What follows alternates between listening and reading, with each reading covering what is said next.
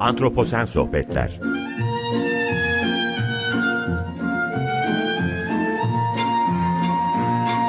Hazırlayan ve sunan Utku Perktaş Merhabalar, Antroposen Sohbetleri hoş geldiniz. Ben Utku Perktaş.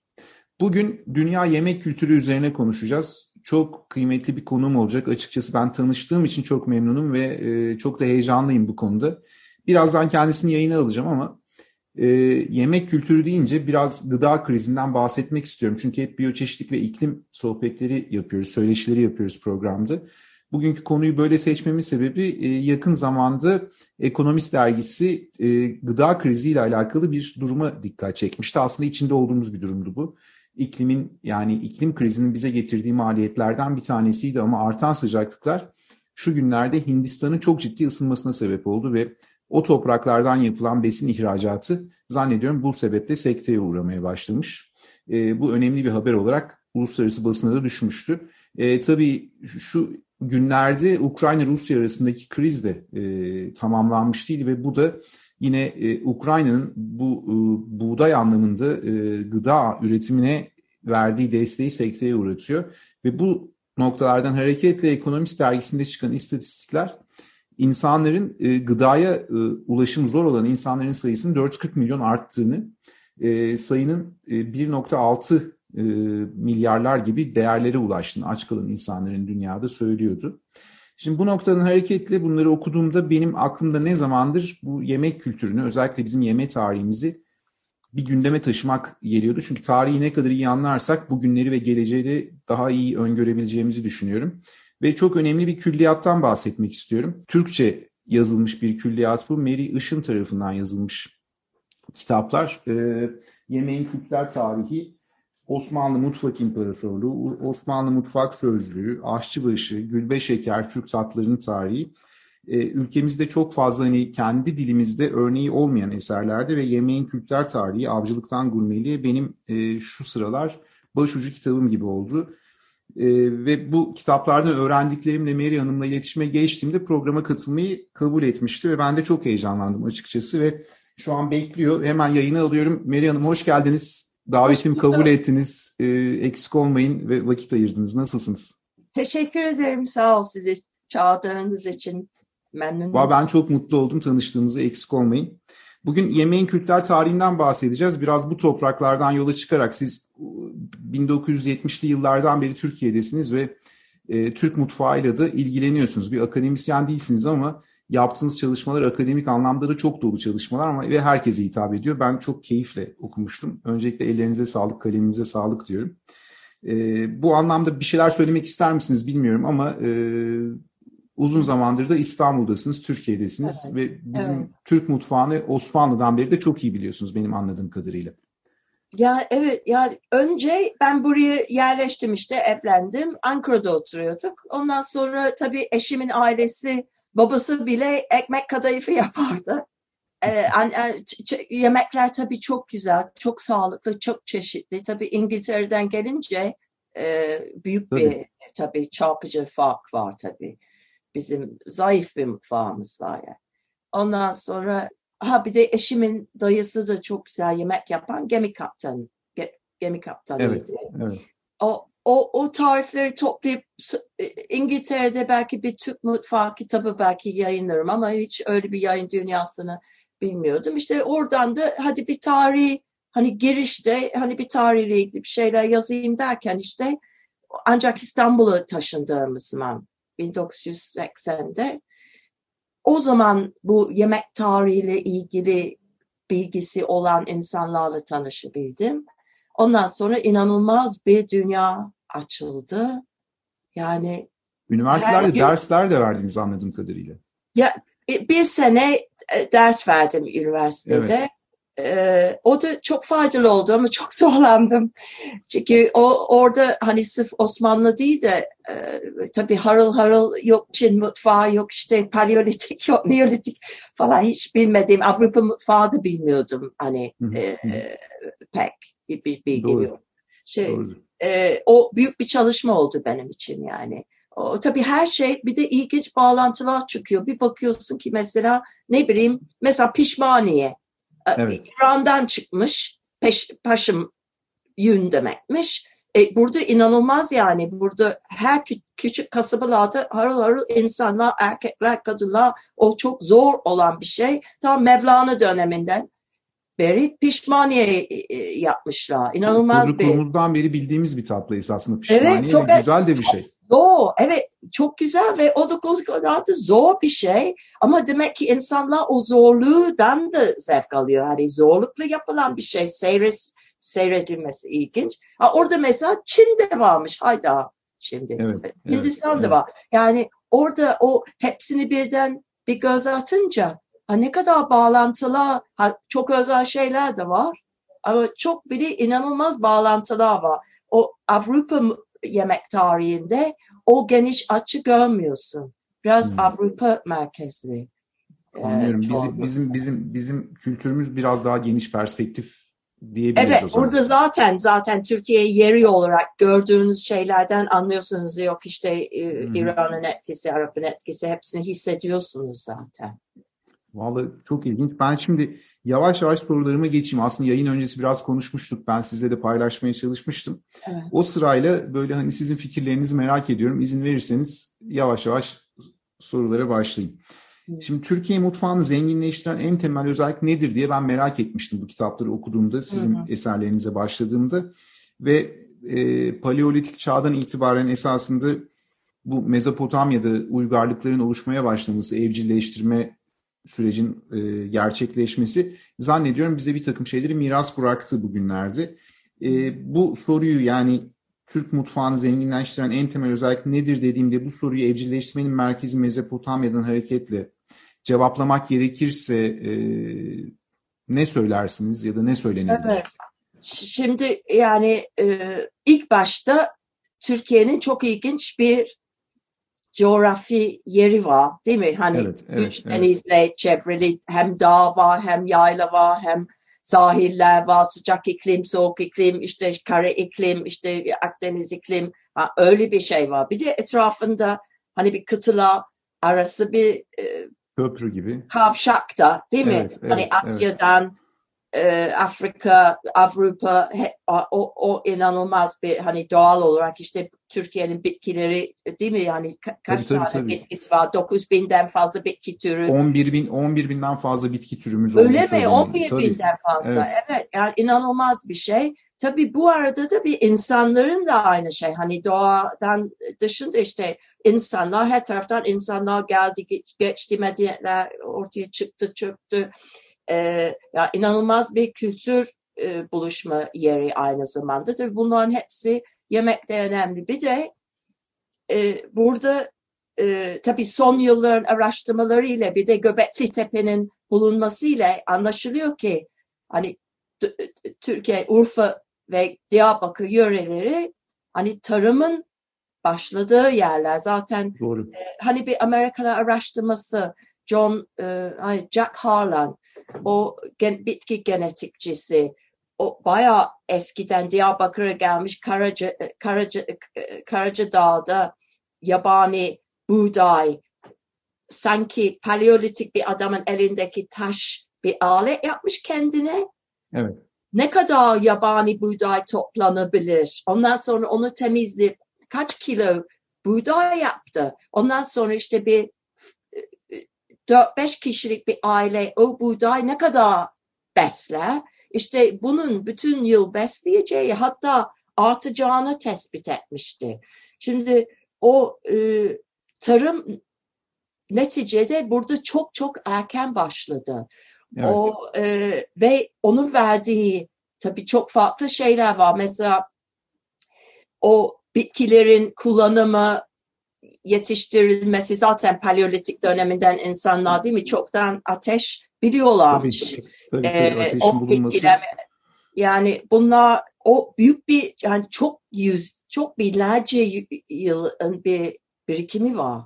Evet. O ayrı bir olay. Yani her bir, yani tarımın başladığı yer bambaşka. Mesela nişasta yapımı. İstanbul hanımları bile nişasta yapıyorlarmış yani yazlık evlerinde nişasta kullanımı burada çok iyi biliyorlar. Mesela o niye lokum Avrupa'da Avrupalılar bu kadar 19. yüzyıl okulda Turkish Delight bayılmışlar. Ama niye e, şekercileri taklit edemedi? Çünkü nişasta nasıl kullanılır? Bilmiyorlar. Hani nişasta tamamen yok değil ama kullanımı, o, onun hani nasıl özellikleri var, nasıl kullanılır? Hani e, burada çok derin bir kültür var yani nişasta. Doğru, doğru. Ne yarar, nasıl kullanılır? E, bunlar hepsi mutfağı etkiliyor. Bunlar bizim yani unik taraflarımız, sıra dışı taraflarımız olarak tanımlayabiliriz. Evet, evet, kesin. Yani belki aynı şey vardır ama onun onun e, çok derin bilgisi olan bir toplum bu. Anlıyorum. Bir, de şeyi merak ediyorum. Genellikle hani yiyecekler ve yemekler şekillenirken yani gıda e, hayatımıza giriyor. Yiyecek ve yemek. Yemek belli bir öğünde yenilen yiyecekler olarak tanımlanıyor benim anladığım kadarıyla. Yiyecek ve yemekler şekillenirken toplumlar arasındaki siyasi etkileşimler anladığım kadarıyla hani bu evcilleştirmeden sonra şehirleri kurduk. Artık toplum yapıları şekillendi Evet. ve belli siyasi etkileşimler de bizim yemek kültürümüzü etkilemiş gibi görünüyor. Hani bizim bulunduğumuz coğrafi konumdan bahsettiniz biraz önce. Onun getirdiği trafik herhalde buradaki zenginliği artıran bir unsur mu acaba? Bunun Kesinlikle. Tabii. Yani e, hem e, hani o tarıma geçmekle tabii bu benim fikirlerim değil yani ben e, şeyler okuyorum. böyle yok. Hani- de E, Paleolitik döneminde insanlar daha ya, uzun yaşamış. Hani bugünkü hala hani avcı toplayıcı evet, e, evet, bazı evet, toplumlar evet. var. Oradan görülüyor. Ama tarım başlayınca e, zenginler fazlasını alıyor. O çiftçiler nerede yani köle gibi bir e, durumu düşüyorlar. O fazlalığıyla zenginleşiyor. Yok imparatorluklar, yok işte sınıflaş sınıf oluşuyor. O zenginler her şeyin iyisini işte tapınakları sunuluyor, kendilerini ziyafetler. Yani o açıdan da var. Bir de dediğiniz gibi hani dışarıdan bir sürü toplum geliyor. Herkes bir şey getiriyor. Geldiği yerde bir şey öğreniyor.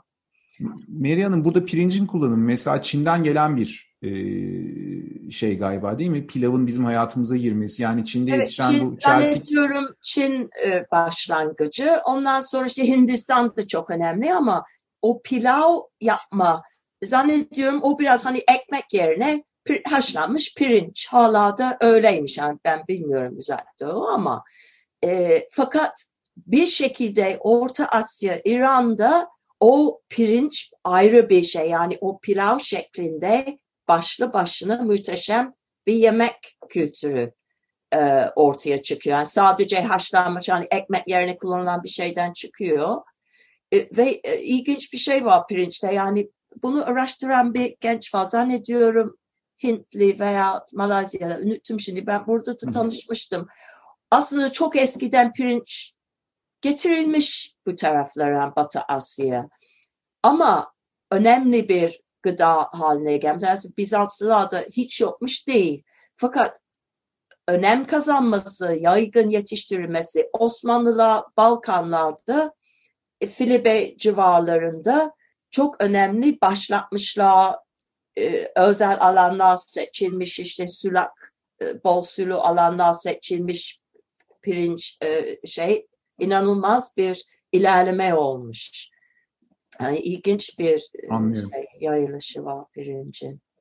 Şimdi bir de şeyi merak ediyorum hani e, özellikle kitaba da bakınca paleolitik çağdan günümüze doğru yiyecekler ve yemek kültürümüz açısından miras olarak görebileceğimiz şeyler var mı acaba? Yani e, geçmişten kalan miraslar. Mesela o dönemde yemeye başladığımız otlar, kökler, meyveler anlamında hala Evet. tükettiğimiz bizim hani evrimsel sürecimize bu anlamda kazınmış bir takım miraslar.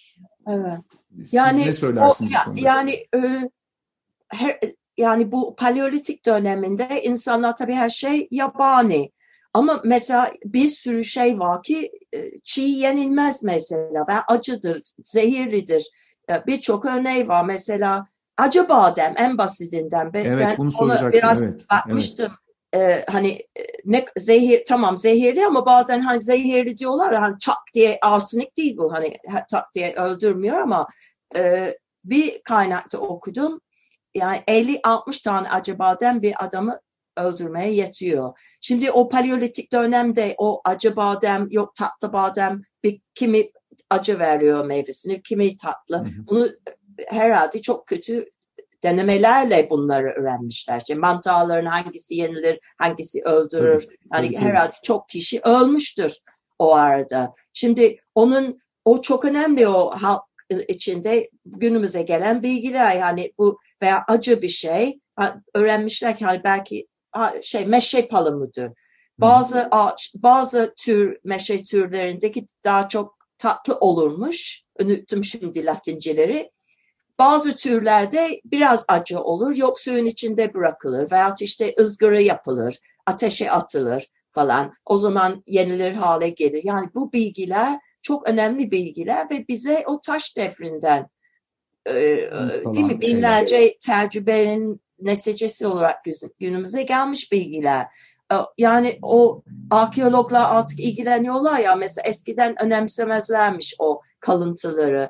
Hani e, kazdıkları yerlerin e, çöplere atılan bir yer. Halbuki şimdi çok önemli. Tabii bakıyor hangi tohum, e, hangi hayvanların kemikleri, hangi bitkilerin kalıntıları. Şimdi daha çok yani aklımda değil o hepsi ama yo, yo, yo, doğru, doğru. bu günümüz günümüzün bildiği şeyler. E, ya ben şey not almışım. Mesela salep o dönemden kalan bize bir miras gibi zannediyorum kökler. Yani salebi hala kullanıyoruz. Evet yani mutlaka denemişler. Çünkü değil mi aç kalınca insan her şey denemişlerdir yani. Tabii tabii, ee, tabii. salebi hala kullandığımız için hani bir o evet. aklımdaydı. Bir de evet. mesela ahlat bu yabani armut. Sizin notlarınızda ha, ahlat, da var. Evet evet evet. O e, o ilginç. O herhalde bildiğimiz armudun biraz daha geç. Çünkü o aşılamayla bağ, aşı, aşı, aşılama olayına bağlı. Hani ahlat e, tohumdan doğal bir armuttur. Ama aşılayınca o çeşitler ortaya çıkıyor. İşte evet, yok evet, kimi e, kimi daha tatlı, kimi daha evet. şey, kimi e, bir yemeğe uygun, kimi reçellik, evet. işte kimi yazın e, olgunlaşıyor, kimi daha geç. Hani e, e, ama mutlaka alat yemişlerdir. Bir de şeyi soracağım. Tirmisi size soracağım. Hani yöresel ismi ha. tirmis. Acı evet. bakla. Evet çok ilginç bir şey değil mi? Protein ee, değeri çok yüksek bir sebze ve bugün hani iklim, iklim krizi içerisindeyiz ve et tüketimimiz mesela azaltmamız öneriliyor. Çünkü e, evcilleştirilmiş hayvanların özellikle bu krize e, olumsuz katkıları olduğu söyleniyor. Hani hı ve et tüketimini azaltırsak e, bu anlamda hani krizi de belli ölçüde önlemeye çalışacağız. Tabii. Ve bunu okurken acı baklayı okudum ve acı baklayı size soracaktım ve Konya'da Hı-hı. ve Antalya'da zannediyorum. Öyle ee, kalmış. Belki daha yaygındı eskiden bilemeyeceğim ama bütün e, Akdeniz havzasında e, bu sevilen bir çerezdir. Hatta kızımın bir arkadaşı annesi Fransız o bana bir resim getirmişti mesela. Orada zeytin konserve zeytinin içinde hazır alınmış hani bir dükkandan hazır evet. alınmış. içinde ayrıca bu temiz koymuşlar acı baklı koymuşlar zeytinlerin arasında. Ve e, yurt dışına çıktığım zaman hep şey bakıyordum. Yok işte Mısır bakalları, yok işte e, Ortadoğu bakalları, şu bakalları, Türk bakalları falan. Orada mutlaka da mutlaka konserve tirmis var. E, burada o, öylesini ben hiç görmedim. Yok diye biliyorum ama Konya'da ve Antalya'da çok Antalya'da çok yaygın. Ve çekirdek gibi yenen bir şey. Hani insanların evet. tuzlayıp sevdiği böyle hani bitene kadar evet. yemek istersiniz bir de. Öyle bir. Evet çok lezzetli. Ben de e, tattım işte birkaç sene önce. Bayıldım. E, bir de o da mesela zehirlidir aslında. Bütün baklagiller çiğ yiyemezmişsin yani. Ha evet o, evet bunu da bunu da sizden okumuştum. Evet, evet bunların pişmesi gerekiyor, kavrulması Mutlaka gerekiyor. pişirilecek veya üzüm mesela o temiz pişirilmiyor o e, es, es, tabii bilmiyorum kaldı mı o usul belki kalmamıştır. Hani e, Antalya'da eskiden çok fazla deri varmış bu tirmisçilerden biri bana anlattı. O kaynağı o to, e, çuvalların içinde tirmisleri doldurur. Yedi gün o akan dere içinde bırakılmış. Ondan sonra tüzleyip satmaya başlarlarmış. O ha, zaman anladım. o zehirli maddeler gidiyor yenilebilecek hale geliyor. Sanki pişirmek gibi bir şey oluyor galiba. Aa ee, evet. Meryem Hanım bu noktada şeyi aklıma geliyor. Hani bu iklim krizini düşündüğümüzde hiç sizin böyle önereceğiniz Türk mutfağında protein değeri yüksek baklagiller ete e, ete muadil olabilecek ya da ete eş değer olabilecek diyeyim. E, önereceğiniz bir şey olur mu acaba? Evet, yani tabii çok bu biraz konumun dışında hani beslenme Yok yok bildiğiniz Fakat anlamda. Şöyle düşünüyorum. Bir kere tamam burada herkes kebap sever tamam e, bir paranız varsa bir özel bir gün mutlaka insan değil mi kebapçıya gider falan. Et önemli ama Avrupa gibi değil yani orada Avrupa mutfağında etsiz bir yemek düşünülemez. Bir Tabii. sebze koysam bile o sebze hadi sonradan ko- konulan bir şey. İsmi gene bir et, et yemeği olarak geçer. Halbuki burada mesela hani bir, bir avuç kıyma ve bir, bir avuç kuşbaşı koyarsın ama aslı o sebzedir. Değil mi? Güzel bir tencere yemeğidir. O ve ismi sebzeden verirler. Bak çok bir önemli bir vurgu. Tabii. Mesela onu kabak yemeği dersin. Tamam içinde biraz et var bir zenginleştirme, bir acı, bir, bir daha güzel bir tat verir. Ama isim Ama sebzeden baharat geliyor. gibi. Evet orada o olmazdı. Hani bamyalı et yemeği olur falan. Hı. Ha, burada bamya yemeğidir. Ha, içinde biraz et de var. Yani o da önemli. Burada çok güzel beslenirsin. Çok az etle. Hatta hiç koymadan yani. Anlıyorum, anlıyorum. Evet. Bir de e, yine e, aklımda olan bir soru aşure. Bugün hayatımızda olan bir tatlı esasında aşure. Evet. Ama bu tatlı ile tarıma alınan bitkilerin tarihi arasında bir ilişki var gibi geliyor bana ve bu tatlı bize 10 bin yıl öncesinden bir miras mı? Hani düşündüğümüzün ötesinde buğdayın ilk Evet. hayatımıza girip evcilleşmesiyle beraber. Evet, e, ta- tabii o ilk hali kim bilir hani o şimdi bu insanlar hadi bu buğdayı ya yabani olarak e, topluyorlar veya işte tarımdan sonra ekiyorlar ama nasıl yiyecekler E, o insan e, şey sistemi onları ye- yiyemez çiğ. Evet. E, onun için mutlaka bir şekilde e, ya haşlanacak veya da işte frik hani frik bulguru var. O Evet, evet, evet. biliyorum. yeşilken toplanıyor. Çok ilginç bir şey o. Yani başaklar daha yeşilken toplanılıyor. Ondan sonra e, ateşte tutuyorlar. E, hatta Gaziantep'te böyle şey gibi e, bir sürü bir araya getirip e, ateşi veriyorlar falan. Şimdi o mutlaka çünkü yabani buğday olgunlaştığı an patlıyormuş. O tohumlar saçıyor. Ha kendi ye- ye- tekrar yetişmesi için doğal Tekrar bir doğanın için, yöntemi. için. Ama insanlar için öyle bek- bekleyemezsin. Nasıl toplasınlar topraktan tek tek toplayacak hali yok. Onun için anlaşılan ilk önce yeşilken toplamışlar. Onu yiyebilecek hale getirmesi için bir yakma. E, şey, bir- demek ki bu çok çok eski yani tarımdan önce bir yöntem olmalı. Doğru. Değil mi? Doğru, hani doğru, mantıken. Ee, bir de e, bu aşurenin tabii e, kutsal hani ku- buğday en önemli tabii arpa da var bu arada. Yani buğday nedense en hani en çok e, değer verilen tahıl.